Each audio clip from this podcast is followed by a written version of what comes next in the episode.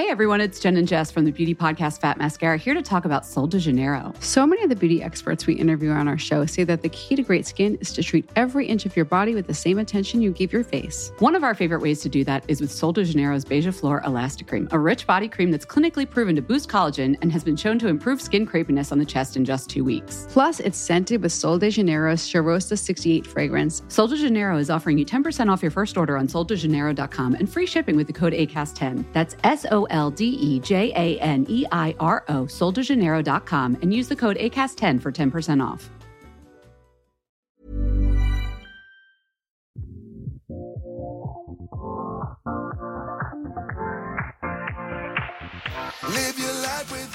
Hej Emily, Hej Anna! hur är läget? Ja, bra. Det, jag sitter här med lösögonfransar och känner mig lite obekväm. Alltså du är så snygg. Ditt hår är Mm. alltså magiska lockar. Du ser lite så här, eh, vad ska man säga, eh, Hollywood Oscarsgala redo. Kände mig snyggare igår. Åh! Ja. Då eh, passade det. Men nu eh, känner jag eh, mig jätteobekväm Okej, i lösögonfransar. det är Och, eh, synd för du är väldigt, väldigt snygg. ja, tack så jättemycket. Vet du vad jag ska göra i helgen? Nej, Jag ska gå på en konsert som jag ser fram emot så mycket. ah, vilken då? Vet du att jag tar med min 80-åriga gudfar på Lykke Li? Nej. Han får se så mycket. Ja. Jag vet att jag tagit med honom på yoga också. Nej, Jo. hur gick det? Nej, han tyckte det kändes bra. Han gjorde, Ja, ja, ja. Nej, men så vi ska i alla fall gå och se Lykke Li som har den här unika konserten. Jag tror att hon ger den på, både på fredag och lördag som är helt utsåld Mm. tillsammans med symfoniorkestern. Mm. Eh, så det ska bli fantastiskt. Vet du hur länge den går? Är det hela våren nu? Nej, nej, eller? det är bara tre konserter tre och de konserter. är helt utsålda. Ah, Mm. okej, okej. Ja, spännande. Vad kul att ta med sig någon som är i, jag menar, i den åldern också och se alltså, Ja, men man det- uppskattar Ja. Och eh, när han skulle köpa eh, 75-årspresent till sin fru Ja. så frågade han mig om tips. mhm. Och då gick vi tillsammans till Maria Nilsdotters ateljé Ah. Och jag valde ut eh, en helt fantastisk brosch Ah, eh, från Pippi-kollektionen. den har jag nog inte sett. Ja, den är, alltså, har du varit i den ateljén? Nej. Det är liksom som att komma in i eh, Laserdom tror man att man är. Det är helt Aha. mörkt, svart. All, allt är, liksom, väggarna är helt svarta. Ah, men vad heter det? Det var en brosch i, vad sa du, Pippi? Pippi-kollektionen. Hon Kollektionen. gjorde den till, om jag inte minns fel, så var det liksom inspiration av starka, coola Pippi. Om det inte Wow. var, om det var i, i samband med Astrid Lindgren, det var något jubileum. I alla fall. Eh, hon den, hon fick i alla fall den här fantastiska så Mm. oversized guldbrosch. Mhm. Hennes barn bara hur vet, pappa, hur vet du ens vem Maria Nilsdotter Anna är skyldig. är? Ja.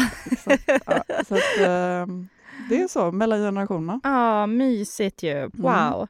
Jag, ska, jag ska jobba på Sickla i helgen så att det för mig blir det mest, eh, mest jobb. Men kanske lite grann på kvällen ska jag nog. Jag ska se till att eh, gå och hitta på något med mina kompisar tänker jag. Alltså jag hade Men velat vara i Sickla. Ja, Det är jättekul ja ju. men det blir jättekul. Det är så här, vad heter bakluckeloppis. Eh, Bakluckelopp. de brukar ha det. Vad är ja, det? Exakt. Alltså, det är nere i alltså garaget så har de typ så här så att man kan komma dit ifall man har då, ja, men bil och så bara öppna upp sin bagagelucka så har Nej. man loppis. Gud vad smart. Svincoolt. Ja, nu, jag kommer ju inte vara på den, utan jag kommer vara inne i gallerian. Men det är, ju- det är samtidigt, så att de som ska dit...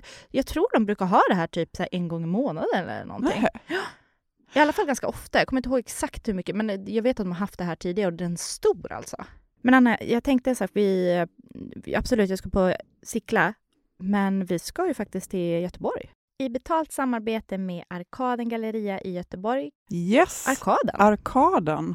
Mm, Jag känner ju det att min eh, lokala patrioten gör sig redo Ah. att åka till mina hemtrakter. Jag är ju från Göteborg. Ja. Det ska bli så himla kul. Det kommer Mm. bjudas på bubbel och tilltugg och så kommer det vara en tävling. Mm. Och vi kör igång vid halv sex. Ja, exakt. Så, men vi kommer vara på plats där från mellan 17 och 19 ungefär och eh, köra lite livepodd. Jag kommer prata lite second hand och visa lite sortiment som finns i arkaden och du skulle prata om... Jag kommer att prata om hur man sätter ihop en hållbar kapselgarderob. Och också ge lite tips på mina Ja. favoriter. Ja, det blir så otroligt kul. Ja, så det ska bli så kul. Ja. Snälla, snälla lyssnare i Göteborg, kom. mm, hoppas vi ses där. Och kom ihåg att ni måste anmäla er då det är begränsat antal platser. Men eh, kul! Och när vi ändå är inne och pratar där på, tänker jag, du eh, nämnde du är från Göteborg och förra gången pratade vi ju blev väldigt, vi pratade mycket om mig förra gången. Så nu tycker jag det är dags att vi ska prata om Anna. Mm. Mm. Och eh, vi, förra gången så pratade vi mer om så här, influencer och så det som jag jobbar med, så här, hållbarhetsprofil. Men kan du inte berätta lite grann kring ditt jobb, Anna? Vad är det du jobbar med? Förutom poddare. Alltså i, i grund och botten så är jag, är jag modejournalist Mm. och eh, jag är utbildad modejournalist Mm. eh, från London College of Fashion och jag har jobbat med eh, mode i över 15 år. Mm. Både i, jag har bott i New York i några år och sen har jag gjort det här i Sverige. Eh, så det är min grund, Mm. det journalistiska. Sen har jag eh, utvecklats inom det så att jag jobbar jättemycket med att skapa olika typer av content för olika eh, kunder. Men det är modejournalistiken har alltid följt med mig som en röd tråd. Mm. Ehm, nu blev det... Jag skrev i några år för Svenska Dagbladet, var deras modeskribent och sen gick jag över när jag flyttade till New York och bli eh, Gö- Göteborgs-Postens helgbilagas modeskribent. Mm, okej. Två dagar, vilket jag var i några år. Och sen började jag jobba med en mer kommersiell kund och då var det inte eh, riktigt läge att fortsätta jobba redaktionellt för mig. Vad innebär det när man jobbar Alltså, redaktionellt? redaktion, alltså egentligen när man jobbar redaktionellt, eh, om man ska liksom gå på old school-reglerna, Mm. så krävs ju att jag har journalistisk integritet Mm. och att jag ska på något sätt representera allmänheten och berätta för allmänheten hur verkligheten ser ut. Okej. Och om ett varumärke då är inblandat så blir inte det lika trovärdigt. Ja, just det. Mm. Okej. Så det handlar om trovärdighet. Ah, så lite mer, alltså nu jag som inte kan så tänker Mm. jag lite mer SVT. Ja, verkligen, Ah, verkligen. lite mer Mm, där. mm. Okej. Men var det, var det, du ville redan från början bli modejournalist? Nej, nej, du ville inte? Nej. Eller jag skickade då in mina första... att jag jobbar med mode, det har jag alltid velat. Ja, det, Det okej. har jag liksom det var bestämt. jag, det jag, jag satt hemma och gjorde tidningar när jag var eh, sex år. Modetidningar? Ja. ja. Eh, nej men och ritade kläder, liksom Mm. ritade kläder. Så jag visste liksom inte att det var just liksom att skriva om Mm. kläder. Har du med det från ba- någon bakgrund? Är det Alltså min mamma är jättemodeintresserad Ja, och mm. jä- jätteestet. Mm. Eh, min pappa jobbade inom reklam. Så att, ja. Okej, det var som ja. bäddat för. Ja. Typ. eh, uppvuxen med liksom höger av tidningar och eh, när alla andra i skolan fick en PC och jobbade med disketter Mm. så tyckte min mamma att jag skulle ha en Macintosh Oh. Och jobba med Quark Express som är ett designprogram Ah. som inte någon i hela världen på någon gymnasieskola i Sverige på 90-talet visste vad det var. Nej, nej. Nej, men det var bra, mm, tyckte hon då. Ja. Idag tycker jag att det är Ja, bra. ja, ja, absolut. Eh, men, eh, nej, men så att eh, jag skickade in mina första skisser till Damernas Värld som var en tidning som förekommer väldigt mycket hemma hos mig till eh, modechefen där. Och då hette hon Lotta Levenhaupt. Jag var väl, ja, jag vet inte hur, 13 kanske. Jag fick ett skriftligt svar skrivet på skrivmaskin Mm. eh, att jag skulle förkovra mig och återkomma, Mm. vilket jag gjorde. Mm. Eh, f- ja, 15 år eller 20 år senare. Eh, men eh, jag trodde faktiskt att jag ville bli inköpare. Så att jag började på det spåret först. Eh, och började jobba som inköpsassistent. Och sen så Vad insåg... var det som lockade med inköp? Alltså jag trodde att jag ville vara med liksom och göra val och jobba med kläder på det sättet. att Styra köpa in. Ja, precis. ja. Exakt. I och med Mm. att trender har jag liksom alltid varit intresserad av. Mm. Eh, men det visade sig att det var det ju inte. Så när jag var 25 Mm. så kom jag på att jag skulle bli modejournalist. Så då sa jag upp mig och eh, sök, eh, sökte ett stipendium som min kille hade fått. Så tänkte jag, kan jag väl också söka. Mm. Från teknisk doktor Marcus Wallenbergs stiftelse för internationellt företagande. Oj! Ja, det, ja. Verkligen avancerat. Så det, den fick jag och då flyttade jag till London och så började jag eh, på London College of Fashion där jag började läsa dels en foundation course i design, för jag ville förstå om jag ska skriva om kläder så vill jag i alla fall ha liksom någon grundläggande förståelse Ja. för mönsterkonstruktion Mm. och liksom sy. Mm. Jag säger att jag har tummen mitt i handen. Jag har verkligen tummen mitt i handen, men jag tog mig igenom den här foundation-kursen i alla fall. Är den teoretisk? Eller Extremt total- teoretisk. Ja, mm. Eh, Så jag hängde mycket på Bethnal Green och klippte mönster och annat. Mm. Eh, då är var- det delat med, alltså då är det både lite praktiskt och Ja, jo, teoretiskt. jo, Ja. men det är ingenting som jag... Jag tror att jag har nämnt det kanske tre gånger tidigare för någon. Mm. Alltså det är, ingenting jag, det är ingen, ingen kunskap jag anser mig ha, utan jag gjorde det för min egen skull. Mm. Men sen så läste jag en master i modejournalistik med en eh, helt fantastisk lärare som heter Andrew Tucker, som är en jätteduktig brittisk journalist. Vi var nio elever i min klass och ehm, nej, det var det bästa, det mest kreativa perioden jag har... Alltså, bo i London, gå i skola på nära liksom, Oxford Circus Mm. och, och bara leva mode. Alltså, du, jag var ju en bubbla, Det var också elever från hela världen? hela där. världen. Ja, Hela världen. det måste vara otroligt inspirerande att få dem också. He, alltså, det, jag, intrycken av mode och allting. Alltså, vi hade Tom Ford som gästföreläsare. ja. Ja. Mm. Mm. Ja, det. Eh, så den var väldigt så här, yrkesinriktad och så kom jag tillbaka till Sverige för här bodde min dåvarande kille och vi eh, eh, bodde, flyttade ihop och då sökte jag mitt första jobb. Så mitt första jobb var som modeassistent till Martina Bonnier på Damernas Värld 2005. Och eh, Martina lärde mig absolut alla grunder inom mode och Mm. Eh, jag är evigt tacksam för den perioden. Mm. Det var verkligen inte liksom glamoröst på något sätt utan det var väldigt mycket så här, springa med påse på stan, boka bud, faxa, Ja. faxa pressrequest. Mm. Vet ni vad en fax är? Knappt att man kommer ihåg. Men det, ja, jag vet inte, aldrig om jag använt den i Nej, men jag kommer ihåg att jag var Mm. överlycklig för jag fick som modeassistent göra ett eget jobb i en tidning som fanns då som hette DV Mode. Eh, så det var grymt. Vad var det för jobb? Jag gjorde, jag skrev en artikel om eh, de hetaste accessoarerna Ah. Eh, och så var det en jätteduktig illustratör som gjorde illustrationer av alla de här väskorna. Och, det, var, det var fantastiskt. Det var ditt första Det var mitt första- Ja, första har du kvar det? Vad sa du? Har du kvar det? Ja, Alltså, ja. finns ja. Du har kvar allt sånt där? Gud, Ja, såklart. Ja, ja, ja, ja, till hundra procent. Eh, Kan inte jag hade velat ja, att du tar kort på de här grejerna. ja, men alltså, jag är ju upp sånt. kvar, som jag berättade för dig i helgen när jag var hemma hos Emelie för övrigt, ehm, så gjorde jag mitt examensarbete. Då gjorde jag en tidning på Mm. 72 sidor Mm, eh, som heter Nord. mm.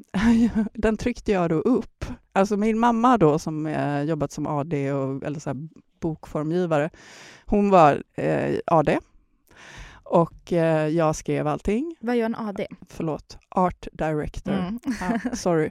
Men hon är inte det egentligen. Hon, är, hon var, hon jobbar inte hon grafisk formgivare och Ja. liksom formgav böcker. Mm. Så att hon eh, gjorde hela formen och jag tryckte upp den i massa, massa exemplar. Eh, och eh, jag tror jag har en låda kvar på vinden faktiskt, av Ja, Nord. det var ju så kul som sagt att Alltså, ta det- bilder det- på vet här du- så du får visa Nej, men alltså det roliga var liksom, jag gjorde så här, jag gjorde intervju med Liselott Watkins, med Kai Bond, med Andres Locco. Alltså om ni är, är mycket yngre än vad jag är eh, så kanske ni inte vet vilka alla de här namnen är, men då var det liksom där. It-personer. Yes. Mm. Eh, så att så är det. Och sen dess har jag eh, liksom parallellt liksom varvat den redaktionella banan med, eh, med mer kommersiella uppdrag ehm, hela mitt liv. Mm. Tills kanske för, ja, för ett år sedan då som jag inte längre just nu har ett fast skrivande Mm. uppdrag eh, utan frilansar Mm. när jag hinner. Ja, men, Men sen, ja, mm. ja. men under den här tiden har du alltid Mm. varit anställd av ett, eh, alltså, en redaktion, eller hur gör Nej, man? jag har inte, jag har haft mitt jag har varit anställd i perioder men jag har också större delen av tiden haft mitt egna Ja. företag. Vad är vanligast som, tänker jag, som journalist? Är det att man är jag frilansande vet. eller är det... Alltså jag vet faktiskt inte, jag har Nej. inte den insikten längre. Det Nej. var i alla fall vanligt med frilansare, jag tror att det ser helt annorlunda ut nu. ja. Alltså, eh, jag menar, så här, jag blev kontaktad av eh, två studenter förra veckan. Det händer ganska ofta att jag blir liksom tillfrågad att vara med i olika så här, uppsatser och intervjuer och, Mm. från Lunds universitet. Jag försöker verkligen ställa upp så mycket jag kan. Mm. Jag tycker att det är viktigt. Men liksom, otroligt viktigt. de, de eh, skrev bara kort vad de liksom ville prata om mo- modejournalistikens roll och som gatekeeper och sådär. Nu ska inte jag liksom på något sätt slå hål på det. Jag tycker att det är jätteviktigt. Men alltså sen bloggandet kom igång liksom på 2000-talet Mm. så har ju modejournalistens roll förändrats väldigt mycket. Hur då? Nej men alltså det har ju liksom skett en förskjutning av liksom den här gatekeepern Mm. lite grann. Idag är det ju mer liksom influencers och digitala kreatörer som är gatekeepers. Mm. Alltså det vet du ju själv. Mm. Liksom, du är ju en av dem. Mm. Eh, och mycket av de trenderna som föds, föds ju online. Alltså det är Ja. ju på gatan. Alltså så här, Går ju mycket snabbare också. Ja. På, mm. precis. Men att du och jag fann varandra, det var ju, det var ju dels genom mode men även genom hållbarhet. Mm. Så det spåret Ja kom exakt, för det var det Mm. jag eh, tänkte komma till där. Det var bara intressant att veta bakgrunden. För, Mm. Men när i det här hela, alltså du jobbar så många år inom just det Mm. som modejournalist och alltså så på jättekreddiga tidningar och skriver helt fantastiska reportage och allt det du har gjort. Men var kom hållbarheten in? Mm. För så här, modejournalistik och mode är ju inte hållbart. nej. Och det, är så, det tycker jag är så intressant just det här att du håller ju ändå på att ha ett sånt intresse för hållbart mode. När fann du det? Nej, men det var faktiskt 2016 så blev jag eh, medbjuden av H&M att åka på en eh, resa till Shanghai med dem. För att eh, det var på uppdrag av Svenska Dagbladets helgbilaga Perfect Guide skulle jag skriva en artikel som handlade om det här hållbarhetspriset som H&M då precis hade instiftat som heter Global Change Award Mm. som fortfarande finns och som Mm. är ett fantastiskt pris som prisar tidiga innovationer inom, inom mer hållbart mode och sluta cirkeln inom mode. Mm. Eh, Så att jag var i Shanghai en vecka med H&M och massa härliga kreatörer och eh, Accenture och var liksom på ambassaden, jag var på föreläsningar, jag var på fabriker. Alltså det var späckat schema och jag kan väl säga så här, jag träffade professorer som hade liksom jobbat i Shanghai i flera år som var väldigt ledsna och väldigt skakade och väldigt oroade över modeindustrins framfart och eh, för mig, jag var ju så naiv. Alltså, jag hade ju ingen koll överhuvudtaget på att modeindustrin var liksom en så smutsig industri som släppte ut så mycket. Så att jag kände så här att eh, om jag, nu låter det som att jag, åh, gud vad jag är bra, om jag ska fortsätta med det här då, det, det var inte så, utan det var så här, jag var, var tvungen att rannsaka mig själv. Att Mm. om jag vill fortsätta jobba med mode så behöver jag lära mig mer om det här och jobba bara med det här framåt, eh, så mycket jag kan. Eller så får jag göra något annat. Mm.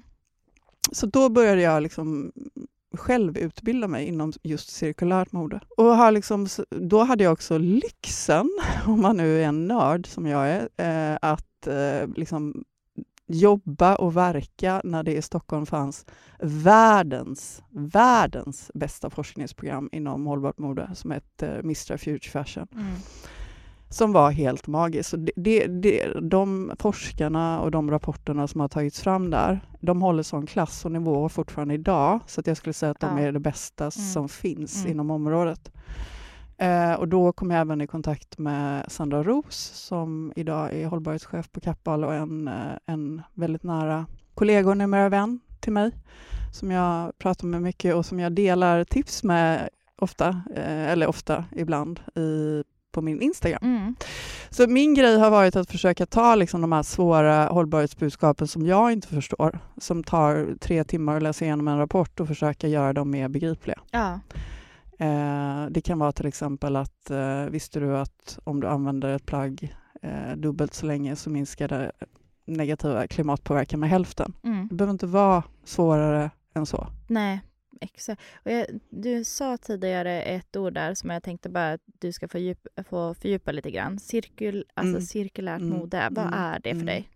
Alltså så här, det är ju ett sånt konstigt uttryck och jag Ja. förstår om man inte har någon susning om vad det är, men det bygger ju på den cirkulära ekonomin egentligen. Att man, eh, en produkt cirkulerar hela tiden så att, och du maxar dess användning under den perioden det går att använda den. Mm. Och när produkten är slut så återvinns den. Antingen i en teknisk del eller i en biologisk del beroende på material. Så att jag, brukar, jag tycker att det är härligare och enklare att jämföra det med naturen. Mm.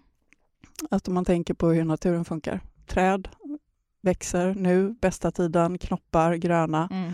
Sen någon gång i eh, november vill vi inte tänka på, men då dör de och löven faller till marken. Men det är ett kretslopp. Mm. Lite på samma sätt är cirkulärt mode. Mm. Jag tycker det är en väldigt fin... eh, Alltså så här, det, för det första är det väldigt fint att tänka så med, kring cirkularitet. Och det blir väldigt visuellt. Mm, det blir väldigt visuellt. Ja, man, jag gillar det som det blir, så det ska vara enkelt att ta på det. Precis. Och just det här med det trädet, det får vi ju lära oss redan från barnsben hur det funkar. Exakt, Så därför är det väldigt lätt att eh, ja, men visualisera det. precis. Så jag började, så då har jag föreläst om det och försökt att liksom på något sätt väva in det i det jag har skrivit. Sen har Mm. jag liksom inte kanske alltid så här försökt att bara skrika ut hållbarhet, för jag har haft känslan generellt att det är inget ämne som kanske har högsta... Det är inte hett, om man säger så. Nu är det det lite grann. När började du märka den förändringen? Men alltså en grej som, det finns en, en, eh, ett forskningsprogram eller en stiftelse som heter Ellen MacArthur Foundation. Eh, och de skickade en bok till mig eh, för några veckor sedan som är helt magisk, som handlar om, om eh, circular fashion. Och där står det olika myter i den här boken och en, en myt är att hållbart mode och cirkulärt mode är en trend. Mm. Och jag förstår att det står det, för att det är ju lite så nu att det är typ en trend Mm. att vara hållbar. Mm. Och det är, men jag menar, vi måste ju någonstans bara liksom glömma det. För det handlar ju inte om det, det handlar inte om trender. Jag läste även att eh, april är den gröntvättigaste månaden på hela året. ehm, på grund av Earth Day. Mm. Och liksom, alltså, så det finns ju hela tiden det här liksom, kommersiella med som man behöver liksom, så här, inte luras av. Ehm, men eh, nej, gud, alltså när hände det? Kanske, alltså jag skulle nog säga att det kanske, alltså någonstans här 2018, 2019. Ja, det var då du började märka i alla fall en Mm. skillnad. I alla Mm. fall folk började kanske Mm. prata mer om det. Mm. Mm. Jag tycker det är intressant, just det här du sa att eh, man, alltså just det här med trender, Mm. att det är, det är ju någonting jag får höra också väldigt ofta. Bara rid på vågen, det är en trend just nu. Jag bara, nej, det, det här ska ju inte vara en trend. Det här ska vara någonting som, det här måste vi bara göra. Det är ingenting som ens kan vara en trend. Det här ska vara normalt för alla. Det ska vara det vi andas, det vi äter, det vi, alltså Mm. allt. Men alltså det finns ju, det finns ju, det finns någonting hel ylle över Mm. hel, hållbart mode som liksom så här Mm. säckväv, tunika, trist. Det vill jag sudda ut. Eller Ja. jag vill inte det, men jag, liksom, jag tycker att det finns vissa designers som är bättre än andra på att göra det mer Mm. sexigt helt Ja, enkelt. ja. Jag tycker att det, det liksom har haft en trist stämpel. Nu, är, nu har det inte det. Eh, till viss del. Mm. Alltså Remake till exempel Mm. är ju ett jättebra exempel på det. Mm. Men jag tycker en, en designer som är lite min guru, Mm. som jag intervjuade faktiskt 2017, eh, är Stella McCartney. Mm. Jag tycker att, alltså hon har ju ända sedan hon släppte sin eh, examenskollektion på Central St. Martins aldrig använt fjädrar, Nej. skinn eller päls. Nej. Eller hon är, har ju liksom varit helt stenhård och material upp mot de här Mm. gubbarna, liksom, Mm. eh, alla konglomerat. Mm. Liksom. Hon har ju faktiskt lyckats, Mm. eh, tycker jag. Mm. Men eh, det behövs fler. Ja, och eh, jag tror att, eller just med det här Stella McCartney så det känns som att det inte är så jättemånga som pratar om det egentligen, så det som du säger. Att det, Alltså sen så är det ju så här, det blir ju en fråga om pris också. Jag menar, hennes Ah. plagg är ju dyrare om man jämför. Ja, ja. Alltså, nu, nu måste vi säga rätt sak här. Mm. Dyrt är det inte, men det kostar Mm. eh, mycket. Mm. För det är ändå värt Ja, ja. pengarna. Mm. Hon kanske tar ett skäligt pris för Mm. sina kläder, Mm.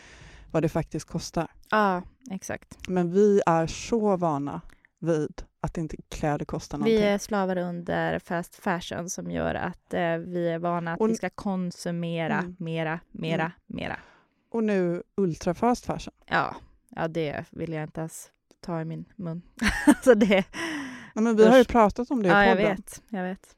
är hemskt. Ehm, men... eh, Shein och ja, de eh, kedjorna. Det är eh, hemskt. Men eh, så att eh, på, den, på den vägen är det. Ehm, och sen så nu idag så, så är det ju lite så här, alltså vad är hönan och vad är ägget? Liksom, ibland kan jag tycka att vi pratar för lite om värdet av att använda saker. Mm. Alltså det, är väl, det, det är väldigt lätt att bli förförd av ett material som är gjort av apelsiner. Mm. Låter ju Ja, jättehärligt. Eller någon ananas. Eller, Äppelläder som kom och allt det här. Mm. men eh, i grund och botten så ehm, är det ju faktiskt det som räknas Mm. att använda. Liksom. Ja, det är ju det vi måste göra. Så investera i ett plagg som vi faktiskt använder och Mm. använd det vi Mm. redan har. Byt och låna och cirkulera vidare. Det är det, det som redan är producerat, det är det som faktiskt räknas. Yes. Jag tänkte på Stella när jag hämtade mina byxor hos dig.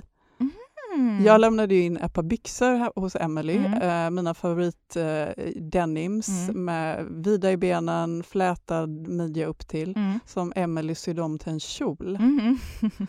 Klockren Ja. remake. Men sådana saker är ju så enkelt att göra. Alltså om man har någonting hemma som man kan göra om.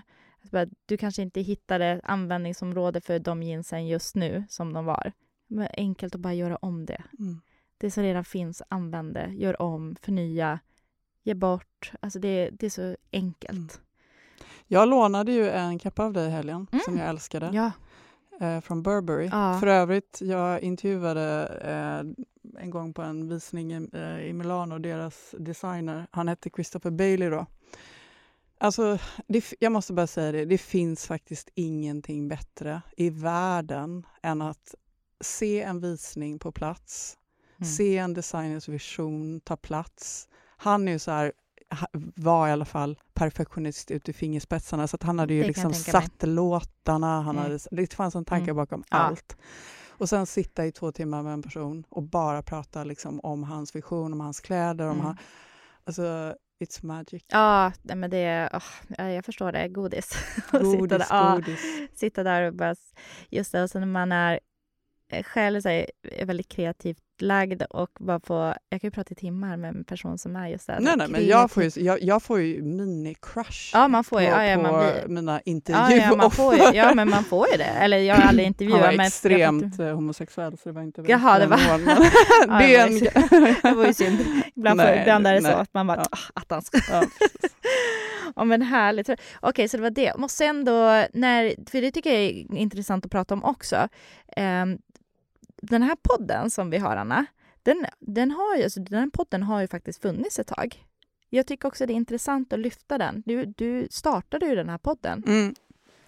och då hette den Jag har glömt av den hette. Jag känner mig helt... Nej, det är klart jag inte har. Mode och livsstilspodden. exakt.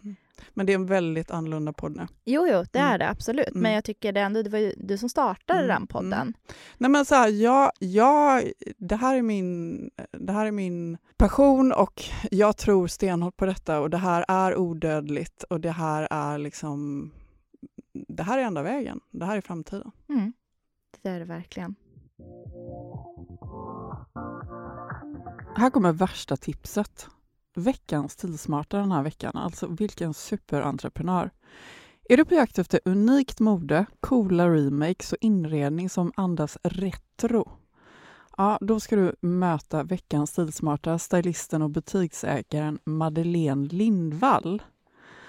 Vi älskar Madeleines stil. Alltså ena dagen så matchar hon en blank skinnkappa med beige byxor och grova kängor. Nästa dag kombinerar hon skinnbyxor, svart keps och oversized tröja med en magisk mönstrad kappa som liksom omsluter looken som en varm filt. Och utöver att inspirera oss med sin stil så är vi imponerade över denna tjejens driv. Madeleine driver två second hand-verksamheter, Second Hand Agape Stockholm och Second Hand Agape Lidköping, där allt överskott går till att förmedla bistånd och hjälp till arbeten på Balkan. Nyligen startade även Madeleine Remake-märket Again Again. Kolla in det på Again Again in Stockholm tillsammans med designern Johanna Brandström. Och Again Again det är ett projekt genom Agape där man använder defekta textilier och ger dem ett nytt liv genom att skapa nya plagg. Första droppet kom tidigare i år. Det var 27 stycken magiskt snygga och unika ullkappor. Alltså, tänk lite så här western-inspirerat americana fashion-tema. Man vill liksom bara dra på sig jeans, en kappa, en kepa och cowboybootsen och hoppa upp på hästryggen. Nu väntar vi med spänning på nästa släpp. Det är tillgången på material som styr produktionen and we love it! Men du Anna, vad ska, vad ska du göra? Det, nu är det måndag. Nu sitter och spelar. Vi brukar spela in fredagar. Nu känns det så konstigt. Det är måndag. Du vill inte ens veta vad jag ska göra? Vad ska du göra? Uh, nej, är det... det handlar om dina blommor? Nej, Gröna? nej, Har de växt? Nej, nej, nej, det, handlar, nej det, det handlar inte om min rootmaster. Nej. Men, nej. Vad handlar det om då? Du... ja, nej, men vet du vad jag ska göra? Nej, berätta. Jag ska gå hem till nästa möte. Nej. Uh, med min, jag sitter i styrelsen för min bostadsrättsförening. Men gör du fortfarande det? Nej, gör ja, men du, du ska fortfarande ju, du ska det? gå ur det där. Man ska vara inte involverad i det nu. jag, jag ska faktiskt gå ur. Ja, bra. Uh, Om de men, hör det så tar vi det här som en avskedsansökan för Anna. vad ska du göra? Vad ska, vet du, jag ska måla om faktiskt hallen. Jaha, Ja, jag har varit sugen på att ha rosa hur länge som helst. är det sant? Ja, och nu blir det rosa. Jag varit sugen Alltså, på det så här, jag tänkte faktiskt fråga dig, Barbiecore är ju en trend som är väldigt i ropet Mm. nu. Mm. Ehm, du har inte tröttnat på den? Nej. Nej. Nej. Men du har, du har en rosa tröja så du har inte tröttnat på den heller eller? Men jag älskade den innan Barbiecore. Ja. Ja, det har nog jag i och för sig. Jag också Så gjort. min kärlek Ja. är evig. Ja. Nu har jag kollat ner på mina naglar. Nu, nu är de lite mer pastelliga den här gången. Så lite rosa och lila pastell. Men nu var det snyggt för att jag har nu när jag varit på fotograferingar så jag så jäkla mycket brun, brun utan sol på mig så att jag var tvungen att ha något lite pastelligt för det såg för jäkligt ut. Vilket är ditt bästa tips på brun utan sol? Ida Varg. Är det sant? Ja, är det är bra? Jag har inte testat det. Alltså, de har jag använt nu på både när jag gjorde för kampanjfilmen och eh, pressfotona. Och alltså, den, det blir inte så här randigt och inte fläckigt och inte någonting. Och det luktar inte så där illa som vissa brun utan sol kan göra. Sen är den ju helt vegansk. Och, eh, men jag tycker den sitter bra också. Är det en speciell produkt som du använder från henne? Alltså hennes sortiment är ganska stort, eller finns det bara Eh, en? Den heter, alltså den använder lite brun, eller den Ida Varg och så, den heter väl egentligen bara typ brun utan sol. Fast, eller bus står det och den heter medium. Ja, vi, vi tar fram den. Jag vi kan, länkar till den. Ja, jag kan länka den. Ehm, nej, alltså jag, hon har säkert jättemånga produkter, men jag kan länka till den jag använder. Den tycker jag är jättebra. Men man ska använda den handsken man köper till. Så att eh, det, det går in på riktigt. Annars då tror jag att det kan bli fläckigt. Men jag tycker det sitter jättebra och ser naturligt ut. Så att, Du är så snygg. ja, tack, Du, tack, vet tack. du vad? Vi går ut i solen nu. Ja, men det gör vi. Mm. Det är strålande det sol. är strålande sol. ja, det gör vi. Hej då! Hej då! Live your life within the moment, moment. And don't go wait until the morning, morning. You never know when it is over, over. All that I know is we'll get older, older. So let us dance this night away.